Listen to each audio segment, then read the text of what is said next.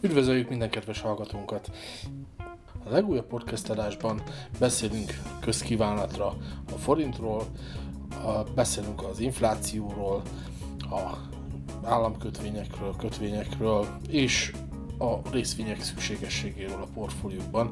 Fogadjátok szeretettel! Legutóbbi alkalommal, amikor beszélgettünk, a forint gyengülés ugye aktuális volt. Ez, ez nem változott. Ennyi szólva, ugye időről időre megdől a rekord, ami a forint Nyáron, negatív nyáron volt a meleg rekord dől, évelején meg a forint rekord dől. És volt is, aki kérte kommentben, hogy esetleg erről még beszélgessünk, és hát ennek eleget is teszünk, mert tényleg beszéljünk róla. Hát igen, ugye adás inkább már ugye ha kérik, ha nem, tehát ez 340-et támadta a forint a múlt héten, ugye most 338-as szinteken van.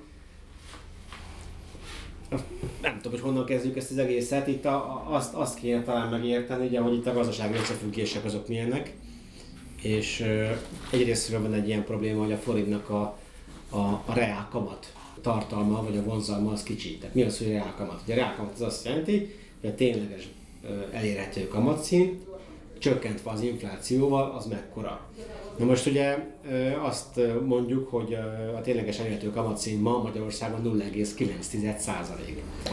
Tehát e, e, ez a, ez, a, ez a hivatalos jegybanki alapkamat, és ugye, hogyha ebből levonjuk a 3,4-5 százalékos infláció, vagy akár a 4 százalék, amit én volt egy kiugró adat az elmúlt időszakban, vagy ehhez képest vannak a várakozások, amik szintén gyakorlatilag ez a 3 és 4 százalék közé mennek, amit most zárójelbe jegyeznék be az Nemzeti Banknak középtávú 3 százalékos igen, az, az megint egy külön adást megér, hogy Igen, ez várakozásával kapcsolatban az infláció, tehát egy hivatalos inflációról beszélünk, a KSH által miért hivatalos inflációról, akkor az jön ki, hogy a 0,9-ből levonjuk ezt a 3-4 százalékot, akkor negatív számot fogunk kapni. Magyarul az azt jelenti, hogy a reál kamat az negatív, tehát ha van nekem 1 millió forintom, azt én Magyarországra helyezem el, mondjuk e- e- ebben a jegybanki környezetben, akkor az azt jelenti, hogy nekem egy év múlva ugyanazért a, a pénzemért kevés, lehet, többet fog érni valamennyivel, de kevesebbet fogok érte fogyasztani.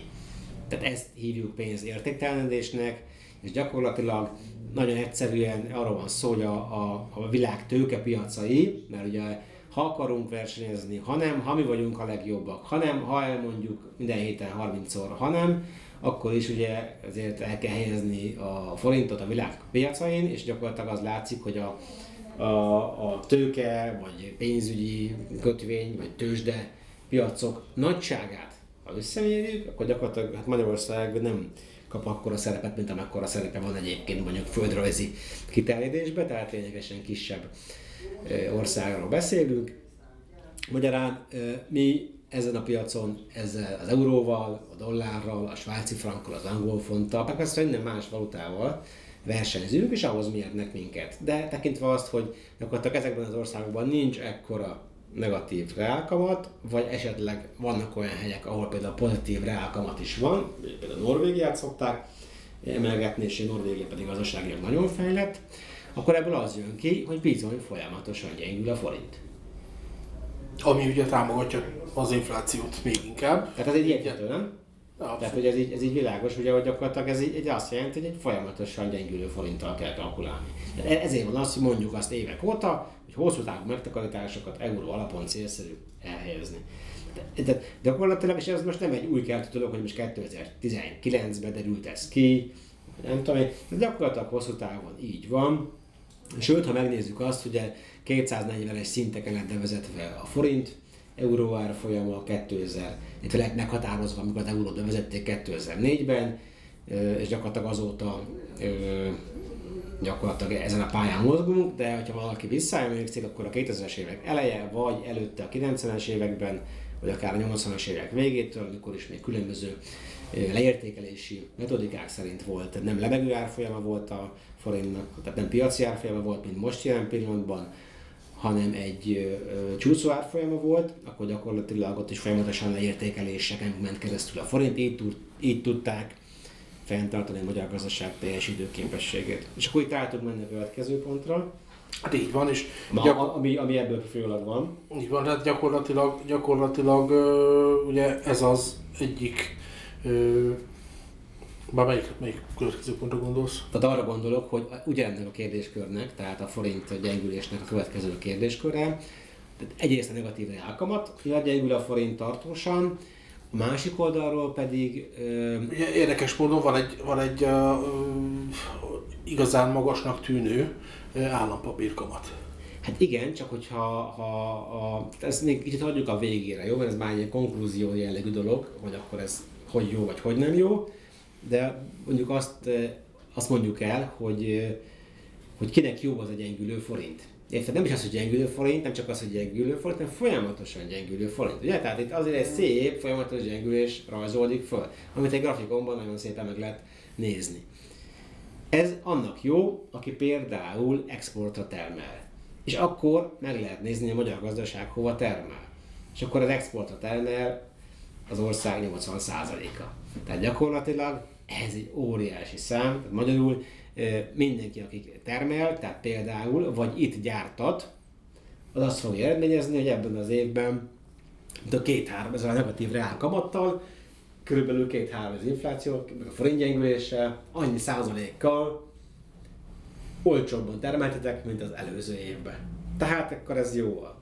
Az autógyáraknak ugye, még itt vannak például Győrbe, Kecskeméten, és így tovább, és jó más multinacionális nagyvállalatoknak.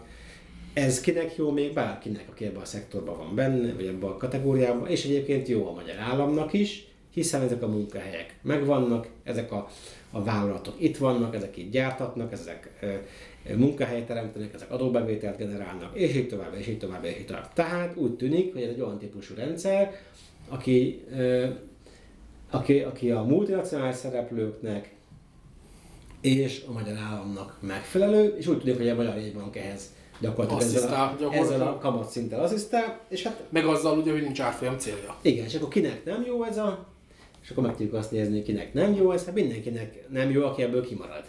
Tehát... Hát nem a vásárlóközönségnek egyértelműen nem jó, mert ez egy kicsit álságos, hogy a gazdaságnak nagyszerű, ez, ez szuper jó, valóban az egyik oldalról, csak nézzük meg, hogy a béremelések azok gyakorlatilag el lesznek inflálódva. Pont ezáltal. Hát így van. Tehát lehet, hogy a multinacionális cégek tudnak emelni munkabért a, az alkalmazottaiknak, viszont az is tény és való, hogy hogy ezt el fogja vinni az infláció. Ennyi. ezáltal. Hát azért mondom, hogy a, aki Hát olyan, mint a- hogyha a helyben topognánk, de mi, mégis tudunk arról beszámolni, hogy hurrá, optimizmus van. Tehát, hogy egy kicsikét én ezért tartom ezt álságosnak, de ettől függetlenül ez a modell, ez, ez nem csak nálunk működött így, hanem ez ugye a, a, az elinflálást a putyini Oroszország is használta többször már az elmúlt évtizedben, vagy az elmúlt két évtizedben, úgyhogy most nem azt mondom, hogy volt kitől ezt tanulni, vagy eltanulni, de nagy valószínűséggel az a gazdaságpolitika, amit most a jegybank is folytat, ezt, azt nem a kisújukból szokták ki. Már elnézést a kifejezésért. Hanem ez erre működő példákat láttak, és gyakorlatilag a hazai gazdaságnak a felpörgetését így tudták megoldani. És hogyha ezt a részét nézzük, akkor ez lehet, hogy nem ördögtől való. Ha a másik oldalról tekintjük, akkor nyilván, ahogy az ellenzék is szok- szokta ugye tépázni itt a, a forint inflációját, hogy, hogy elhangzottak itt azért egy tizenpár évvel ezelőtt olyan nyilatkozatok, hogy ha 300 forint fölé megy a, az euró árfolyama, akkor annak a kormánynak le kell mondania. E, igazából e, ezek már olyan, mondhatjuk azt, hogy demagóg, Jó, de az a helyzet, hogy bár, bárki van kormány, ugyanezt csinálja, Hát mert ez ez, igazából- egy, valahol egy kétszerpálya. Persze, de hát gyakorlatilag ez a forint ugyanúgy gyengült a 2000-es években, ugyanúgy a 2010-es években, és most már 2020-as években is, és 90-es években is ugyanígy gyengült a forint, tehát itt igazából ezt kell meglátni. Tehát a magyar gazdaság vezetői mindig felismerték azt, hogy forint gyengítésbe kell eh, kvázi részt venniük, Eh, és akkor ugye ott tartottunk, hogy kinek jó ez, kinek nem jó ez.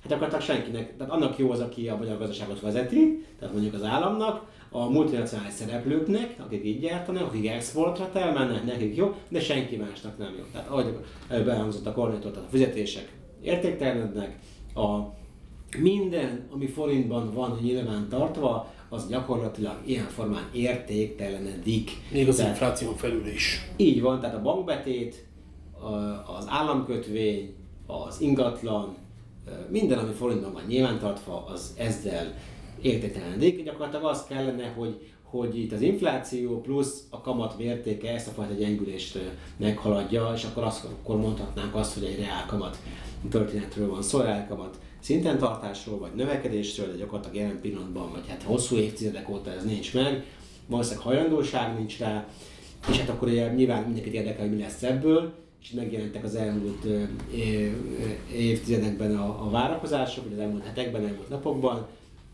és a különböző gazdasági szereplők ezt különbözőképpen ítélik meg. Én, én voltam egy mini konferencián két héttel ezelőtt, egy 40 befektető intézet vezetője volt ott, és megkérdezték, hogy mit vár a, forinttól ettől az évtől, és gyakorlatilag mindenki további gyengülést vár. Tehát egy, egy csapat fele 340-350 közötti árfolyamot, a csapat másik fele 350-360 közötti árfolyamot vár mondjuk az év hátralevő részére. Tehát kb. így néznek ki a, a várakozások. És gyakorlatilag azt gondolom, hogy ezzel nyugodtan lehet kalkulálni.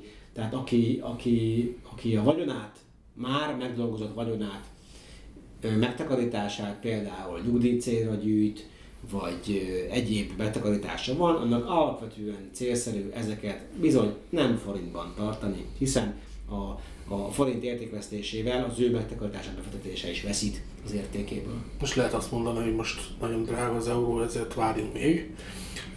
Csak kérdés, hogy lesz olcsó.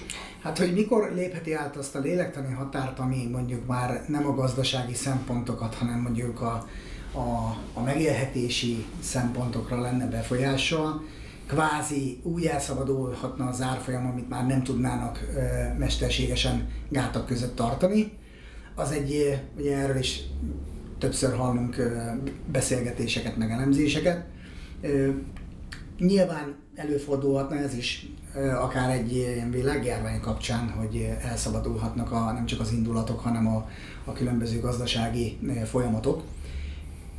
Az lenne igazából érdekes. Az, hogy most a gazdasági szempontból a forint gyengítés az egy ö, teljesen ö, reális ö, életkép ö, jelenleg, ez nem vitás. Az, hogy ez meddig ö, tolható ki, ö, nyilvánvalóan ameddig csak lehet, mert ez ugye a mostani gazdasági szereplőknek és a kormánynak is az érdeke.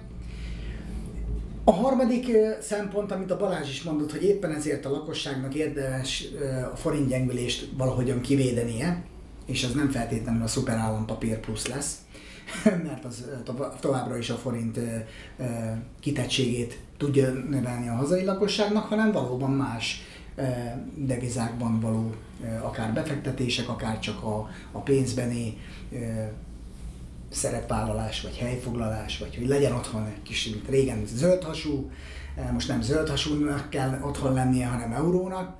Eh, De a lényeg az, hogy valóban valamilyen eh, formában az inflációt az be kell tárazni, árazni a lakosságnak is. Tehát, hogy ezt figyelembe kell, hogy vegyék. A szuperállampapír az ugye kifejezetten arra, ugyanaz igaz rá, mint a forint gyengülésre, hogy az is van akinek jó, van akinek nem annyira jó, hát leginkább ugye az államnak na jó ez is több szempontból, ugye leginkább azért, mert mert azt a bizonyos átrendeződést, hogy a külföldiek, külföldiek kezében van a magyar államadóság, azt tereli át abba az irányba, hogy a Hát ezt, belföldi de ezt legyen. már, ezt már megtették Gábor, tehát hogy gyakorlatilag minden Hát ez volt az egyik eszköze. Ez volt az egyik eszköze. Hogy ez, ez, ez egy teljesen józan intervenció volt az állam részéről, abból a szempontból, hogy a, a, valóban a, a kinti kitettséget azt a lehetőleg alacsonyabb, alacsonyabb szintre redukálja, és ez a folyamat ez továbbra is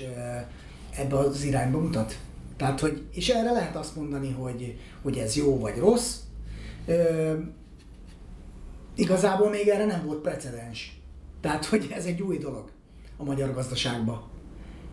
A rendszerváltás óta. A rendszerváltás előtt meg ilyenről nem is beszéltünk, mert úgy yeah. minden. Jó, hát igazából annyi, hogy ez is az állam, meg ugye összességében a, a magyar nemzetgazdaság szempontjából ugye ez üdvözlendő dolog, csak mint magánember nem biztos, hogy ez, hát, hogy hogyha, túltolod, hogyha túltolod úgymond, akkor... Hát, gyakorlatilag ezeknek a kockázatát, hogy a forint extrém módon begyengül, ugye itt van egy pont, amikor amikor is ez is elhozott a múlt héten több gazdasági szereplőtől, hogy van egy pont, amikor az emberek ezt így tömegével fogják felismerni, úgy, mint 2010-ben, okay. hogy egyfajta államcsőttől tartva elindulnak a megtagadások, a befektetésekkel, abban a pillanatban az irány változik, és egy jelentősebb hát, vagy egy gyengülés, vagy egy jelentősebb gyengülés indul el, és gyakorlatilag a, ennyi. De hogyha most nézzük a magyar államkötvénynek a helyzetét, a, a MÁ plusznak, akkor gyakorlatilag a, mióta bevezették, hát a forint gyengülése az nem tehát hogy a többet gyengült a forint, mint akkor a kamat várható a kifizetésre. Tehát gyakorlatilag ugye itt azért ez is előrevetít valamit. Ez is mutatja, hogy hát mekkora a, a bizalom irányába, meg ugye azt is látni kell, hogy, hogy ez csak egy bizonyos rétegnek elérhető, minden szereplő számára nem elérhető ez a MÁ plusz. Tehát, és ugye sokkal nagyobb az egy tőkének az ereje, mint a, a minden tiszteletem, de a magyar kis megtakarítóké. Tehát magyarul érdemes figyelembe venni a nagy trendeket, és a nagy trendekhez igazodni. Hát is nem beszélve arról, hogyha viszont pánikba esik a hazai kisbefektetői réteg, és mondjuk egyszerre szeretnék kivenni ezt a bankbetétként funkcionáló e, MÁG pluszt, ja. akkor azért ott lenne cereburi. Hát, így van. Tehát ugye ebből gyakorlatilag legyünk ebben a magyar államkötvényt, álmodóságot finanszírozzák. Nyilván ha mit mindenki ki akarná venni, ki tudná venni, de mert ugye az állam az korlátlanul tud a pénzzel rendelkezni. Hát így van, mert más nem, akkor pénzt nyomtatnak. Tehát. Pénzt nyomtatnak, ami újabb, újabb inflációhoz és újabb értéktelenéshez vezethet. Tehát aki csak ebben gondolkozik, hogy megtakarítás, az valószínűleg eléggé bátor. Hát az egy lábon áll. Az egy lábon, és, és gyakorlatilag azért egyéni kockázatot vállal. Egy lábon úr kötelezik. Igen. Hát csak elfárad az egyik láb, akkor gond van. Igen, és mondjuk ugye sok megbízónak van még mindig ö, magyar államkötvénye, csak hát ugye nem az a típusú, ö, ami, ami most itt Magyarországon dívik, hanem mondjuk az amerikai dollár alapú. Hát jó, de pont ezektől akartak megszabadulni ugye a devizakitettségű állampapíroktól, és azért indult el a, a belterjesítés. Tehát, hogy persze nagyon sok magyar befektető, kisbefektetőnek is van még régebbi deviza alapú kötvénye, amiket nagyon szerettek, pontosan azért. 675 talán? Hát de voltak eurós sorozatok, dollár mm, sorozatok, tehát, sőt még talán más devizákban is, amiket... Tehát több mint 7,5 százalékos hmm. kamattal. Igen. Amerikai dollárban. Igen. Hát igen, az a hosszú távú államkötvény. Még szép árfolyamjelséget is tudnak hozni. Igen, hát a portfólió kezelésben lehet ilyen nyalanságokat elkövetni. Tehát itt a, mutatja például, hogy effektíve az egész piac bízik a magyar államkötvények fizetőképességében, tehát nem ennek van kockázata, hanem túlzott egyirányúságnak van kockázata, illetve annak, hogy mindez egy pénz, egy konszenzusos forintgyengülés mellett valósul meg, amit látunk, tehát az, amit az, folyamatosan érzékelünk. De csak arról van szó, hogy a versenyképességünket a forint gyengülés mint szelepen keresztül tudja föntartani a gazdaságpolitika Magyarországon. Nagyon egyszerűen erről van szó, tehát semmi másról. Menjünk tovább akkor a témáinkba, mert igen, itt a forint gyengülésről még nagyon sokat lehetne beszélni, meg arról, hogy mi várható, de igazából az előttünk álló időszak az majd sok mindent vagy igazol, vagy majd ellent fog mondani. Na hát igazából ugye most az a helyzet, hogy most még sok 4-5 százalékos GDP növekedés mellett van ez. Ugye az a kérdés, hogy akkor, amikor mondjuk a nemzetközi helyzet még kevésbé lesz kedvező, akkor, amikor esetleg a, a magyar gazdaságban nem tudja azt a e, teljesítőképességet, Persze, amit, amit jelenleg, akkor, akkor ugye ez eszkalálódhat, és e, ugye vannak olyan vélemények, hogy egyáltalán nem fogja a forintot meg, megmenteni, akarni mondjuk a Nemzeti Bank. Erről beszéltünk gyakorlatilag az előbb is, és lehetnek negatív dolgok, hogy hirtelen gondolják azt sokan, hogy, hogy akkor nem forintban, hanem devizában tartják a megtakarításokat, vagy akár egy világgazdasági válság irányából egy nem várt esemény, lásd vírus, vagy egy várható esemény, mint például a, a, az autó átállás, hát az elektromos autózásra, ami mondjuk azt jelenti, hogy a, nagy autógyáraknak mondjuk ilyen más típusú autókat kell gyártani, ez a, a a, hasonló, a korábbi autókkal kevesebb lesz a kereslet, át kell állítani, az elektromos autók ugye köztudottan kevesebb alkatrészből állnak, tehát a kevesebb alkatrészhez kevesebb beszállító, kevesebb munkaerőre van szükség, és így tovább, és így tovább. Hát és így tovább. még közelebb van mondjuk a, a Amerika, most elkezdte Kínával a kereskedelmi háborút, de úgy tűnik, hogy ezért Európával is ezt a játékot el akarja kezdeni játszani. Igen, és visszatérve az előzőre, a magyar országban nagy a kitettsége az autóiparnak, még a német autógyáraknak, azon német autógyáraknak, akiket jelen pillanatban a Tesla ugye a világ különböző piacain már kezd legyőzni. Mindemellett ugye igazából, hogyha arról beszélünk, hogy vagyonépítés, mert ugye ez a veszőparipa, ami körülforog az életünk, akkor az nem, egyszerűen nem lehet elmenni amellett, hogy ugye vannak itt kötvények, meg egyéb mindenféle értékpapírok, de maga a részvény az, ami, ami hosszú távon meg tudja hozni azt a, a, az eredményt, ami, ami egy vagyonépítőnek szükséges ahhoz, hogy Hát komfortosan érezze magát. Igen, Gábor, csak ugye a, a, a hazai tapasztalatok azt mutatják még az elmúlt lassan 30 év tekintve is, hogy a tulajdonjogra vagy jogot formáló értékpapírok iránti kereslet, vagy vágy, vagy szeretet, vagy szerelem, az kis hazánkban még nem az igazi. Mondhatnánk azt is, hogy az ember még mindig inkább Attól a tétel még igaz? Attól a tétel igaz, de hogy mumusként kezelik kicsit a részvényeket és a részvénypiacokat. Még azok a befektetők is néha esetlenül, idézőjelbe véve esetlenül mozognak ezen, akik tudják, hogy ez kikerülhetetlen, sőt ez hasznos és is jó, és kell a portfóliókba. Tehát ugye az elmúlt 30 évben azért a, a, a banki kamatok és a kötvények világából ne, nem igazán tudtak a, a, a szereplők ki szocializálódni. Mi nagyon beleültünk ebbe a szekérbe. És bár a világ elment körülöttünk, és ezt azért a pénzügyi tanácsadók, meg tervezők, és mindenki látta és tudta, és próbálták is sokan ugye honosítani a, a, a külhoni szemléletet, kis hazánkban is, nem igazán sikerült. Tehát a nagyobb városokban jobban hisznek már az emberek ezekben a szektorokban, mint mondjuk a vidéki településeken. És erről beszélni kell, mert lehet homokba dugni a fejünket, de ki kell mondani az igazságot. Tehát a, a vidéki kisvárosokban ott lehet, hogy arata egy már plusz, de azért egy, egy fővárosban vagy egy nagyobb városokban, ahol már vannak azért rutinosabb és, és tapasztaltabb nem csak befektetők, hanem, hanem befektetői rétegek, azok már nem fogják kikerülni a részvényeket semmiféleképpen. Lehet, hogy óvatosabban bánnak velük, ami nyilvánvalóan kockázatokból adódhat, de alapvetően ők nem kerülik ki, és nem kerülik el. Sőt, vannak már, akik tudatosan keresik ezt, ezeket a, a történeteket.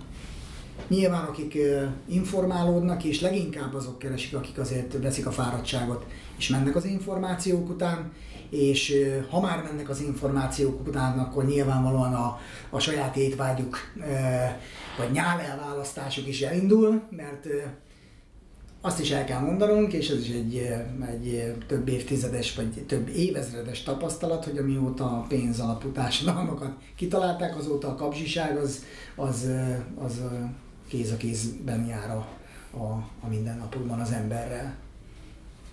Erről is lehet nem beszélni, de az igazság az, hogy ez mozgatja a piacokat. Hát, hogy is. igen. Hát, valahol ugye a vagyonépítés az, az arról szól, hogy növekedjen a vagyon, és most az, hogy ez milyen gyorsan tud növekedni, mennyire idézőjelben éhes valaki, az csak, annak csak az szab határt, hogy milyen kockázatok vannak, és minél éhesebb és minél nagyobb a, a hozam elvárás, annál nagyobb lesz a kockázata is. Értelemszerűen. Nem feltétlenül ez, ha valaki nagyon éhes. Ja, persze, hogy abszolút. Csak akkor meg legyen egy józan Épp vagyonépítési stratégiája. Hát így van, a stratégia az olyan legyen, hogy sok kicsi éjséget rakjon össze magyarán szólva, tehát hogy, hogy ugye ez a, a, a, a szétosztottság, vagy eltagoltság, vagy diversifikáció ugye a, a pénzügyekben így hívják, tehát hogy az, az legyen jelen az ő stratégiáiban. De attól még lehet olyan stratégia, hogy ő csak kimondottan a részvénypiacokra lő, és ő csak kimondottan egyedi részvényeket tart a portfóliójába. Ad és vesz akár. Vagy lehet ez az elvárása mondjuk a szolgáltatójával szemben, hogy ő neki ilyenekből álljon, és neki ilyeneket vadásszanak, és ilyen információkat szeretne. Vagy önálló információk alapján a saját éjségét szeretné kielégíteni a piacokról.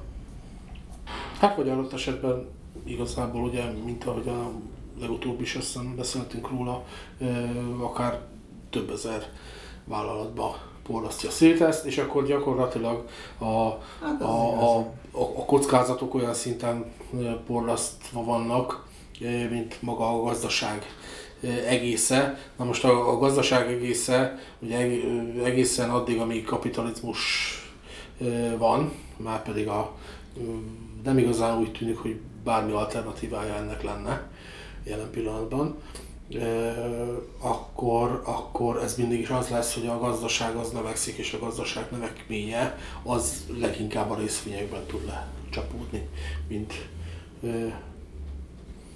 vagyoni elem. Hát, érték. Ha épp az egyik oldal nem megy, akkor megy a másik oldal. Olyan nincs, hogy minden egyszerre megáll. Ez, ez mondjuk egy fontos Á, szempont.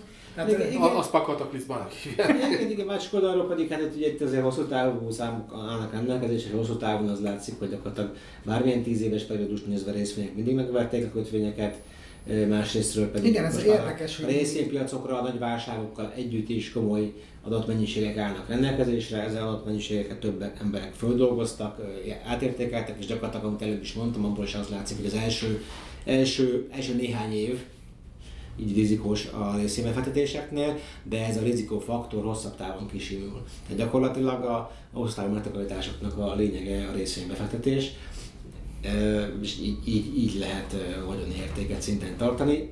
Ez sajnos a befektetőknek egy, egy, egy, az emberink, embereink hozzáállásunkkal ez egy diszonáns dolog, hiszen keresztbe áll ez, hiszen látjuk azt, hogy, hogy azt látjuk, azt tapasztaljuk, hogy ha csökken valaminek az értéke, akkor húha, az nem jó, viszont hosszú távon egy, egy részvényportfólió tud jól működni, és ez már gyakorlatilag nagyon régóta így van. Ezekkel, ugye, akikkel mi együtt dolgozunk, azok is több Nobel-díjat kaptak ezeknek a kutatásoknak az alátámasztására, tehát ez gyakorlatilag ez egy, ez egy megalapozott stratégiai struktúra ilyen szempontból. Nyilván ez nem egy-egy vállalat egy egyéni részvényre igaz, hanem egy részvény kosárra, vagy kellően diversifikált részvény kosárra, amely több ezer vállalat részvényéből áll és épül fel. De ezáltal azért biztonságot és stabilitást is ad. Nyilván piaci mozgások azok pro és kontra ott is vannak rövid távon, de hosszú távon egy, egy, egy növekedő irányt lehet ebből föl találni, fölmutatni. Hát ez az igazi intellektuál befektetés, tehát hogy a, a, ez a, azoknak szólhatnak az ilyen történetek, akik valóban nem csak az, hogy rendel, rendelkeztek azzal a tudással, hogy ők az időt és, és minden egyéb korlátot, ami idézőjelbe véve korlát a helyén tudnak kezelni, hanem inkább az, hogy akik, akik e, erővel mennek előre, tehát hogy erőteljesen, magabiztosan, nem pedig ilyen hol lendületes vagyok, hol visszafogom magam, kapkodok. Ez egy kiegyensúlyozottságot adhat. És igazából ezért csinálták meg ezeket a a stratégiákat. Tehát ugye ez, ez, ez könnyítése azoknak az embereknek, vagy azoknak a befektetőknek, akik valóban meggondoltanak akarnak ö, vagyont teremteni. Jó, és ilyen szempontból, amit a Balázs mondott, hogy... És erre van igény? Igen. Úgy látjuk. Hogy hosszú, hosszú táv, gyakorlatilag ugye alapvetően az a kérdés befektetéseknél sok esetben, hogy hogy mikor szálljon be az ember. És az a helyzet, hogy erre nincs jó válasz.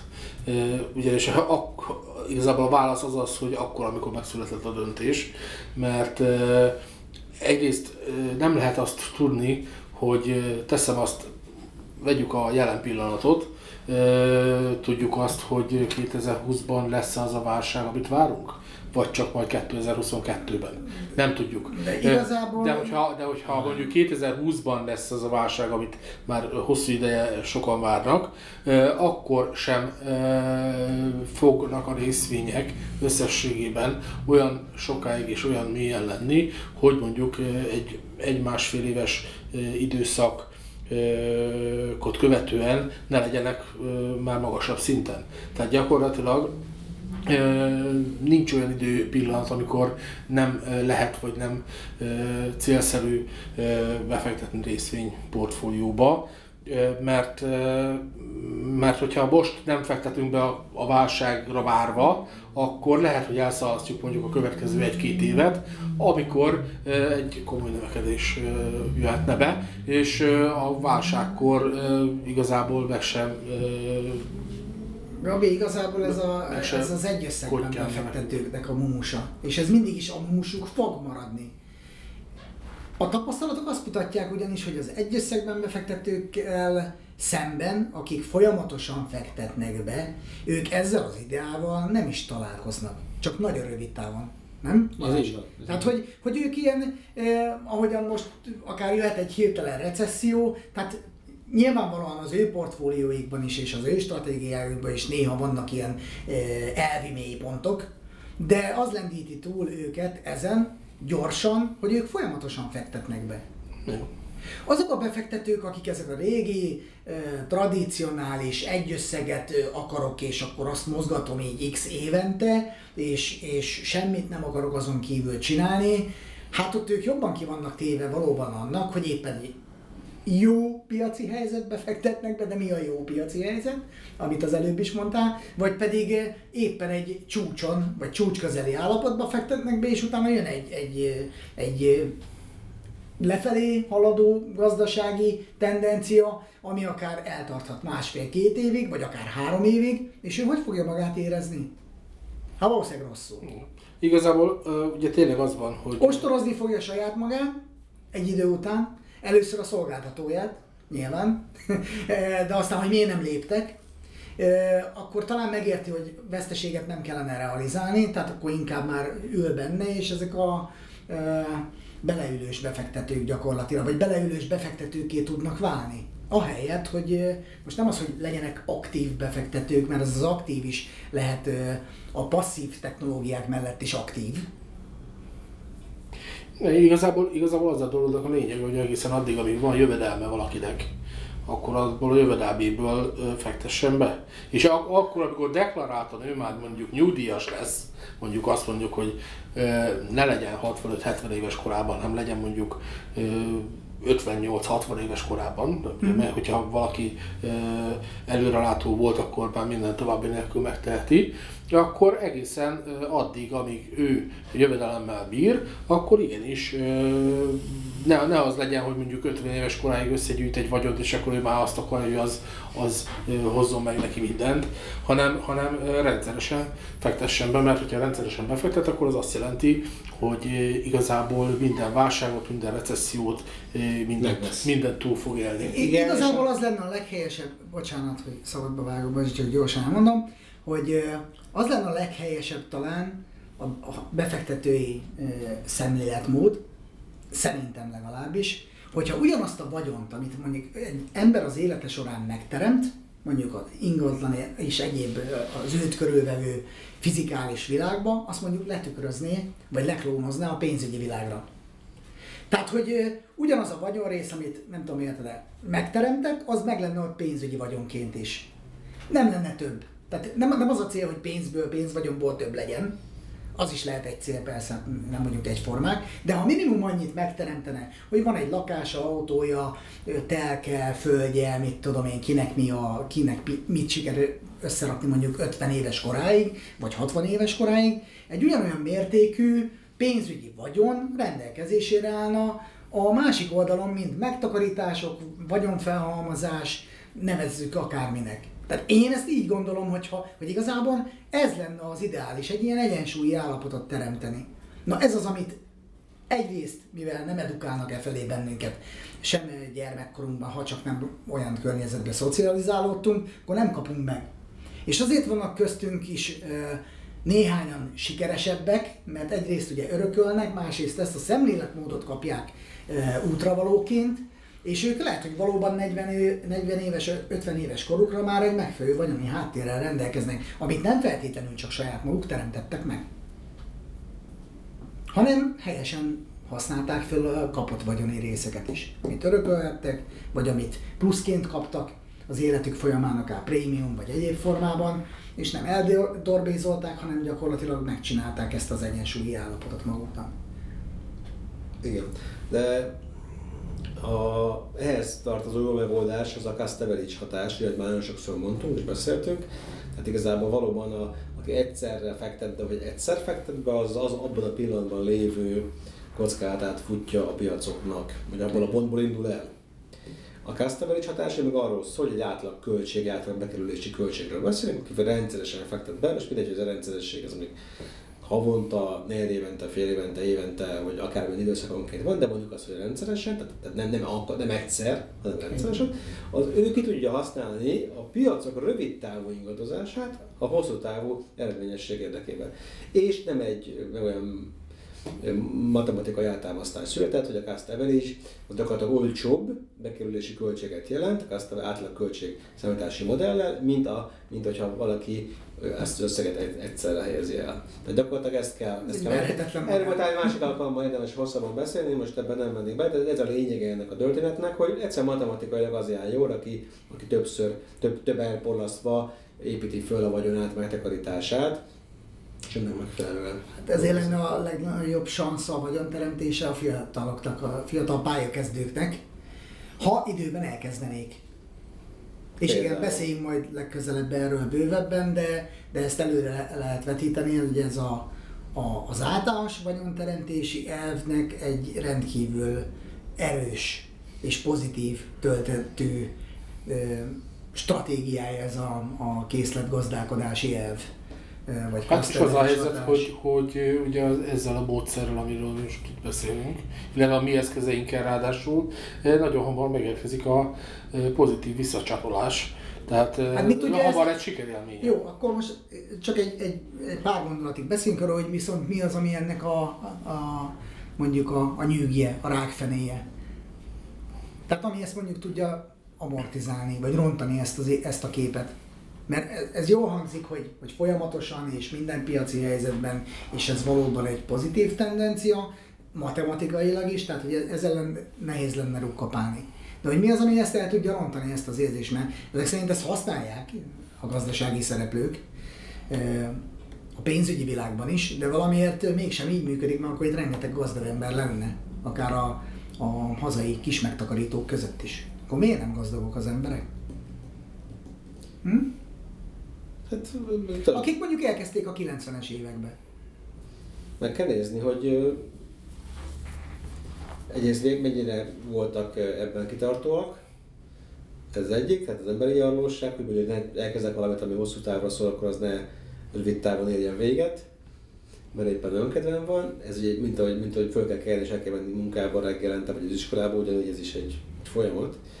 Tehát ezt mindenki saját maga tudja megvizsgálni, meg azt, hogy ez hogy látja, meg ehhez képest hogy alkalmazkodik, vagy hogy nem. A másik oldal pedig az, hogy hát ugye itt azért nem mindegy, hogy mibe helyezi el valaki a megtakarítását, és erről ö, szoktunk mi egyébként nagyon sokat beszélni, ö, mutatni megoldásokat, és, és itt ugye itt oda kell figyelni, milyen költségstruktúrák vannak a termékekben, és bizony az átlag magyarországi megtakarítási termékek azok extrém drágák, tehát tehát ott, ott ez a szabály hiába hangzik jól, de gyakorlatilag nem igazolódik be.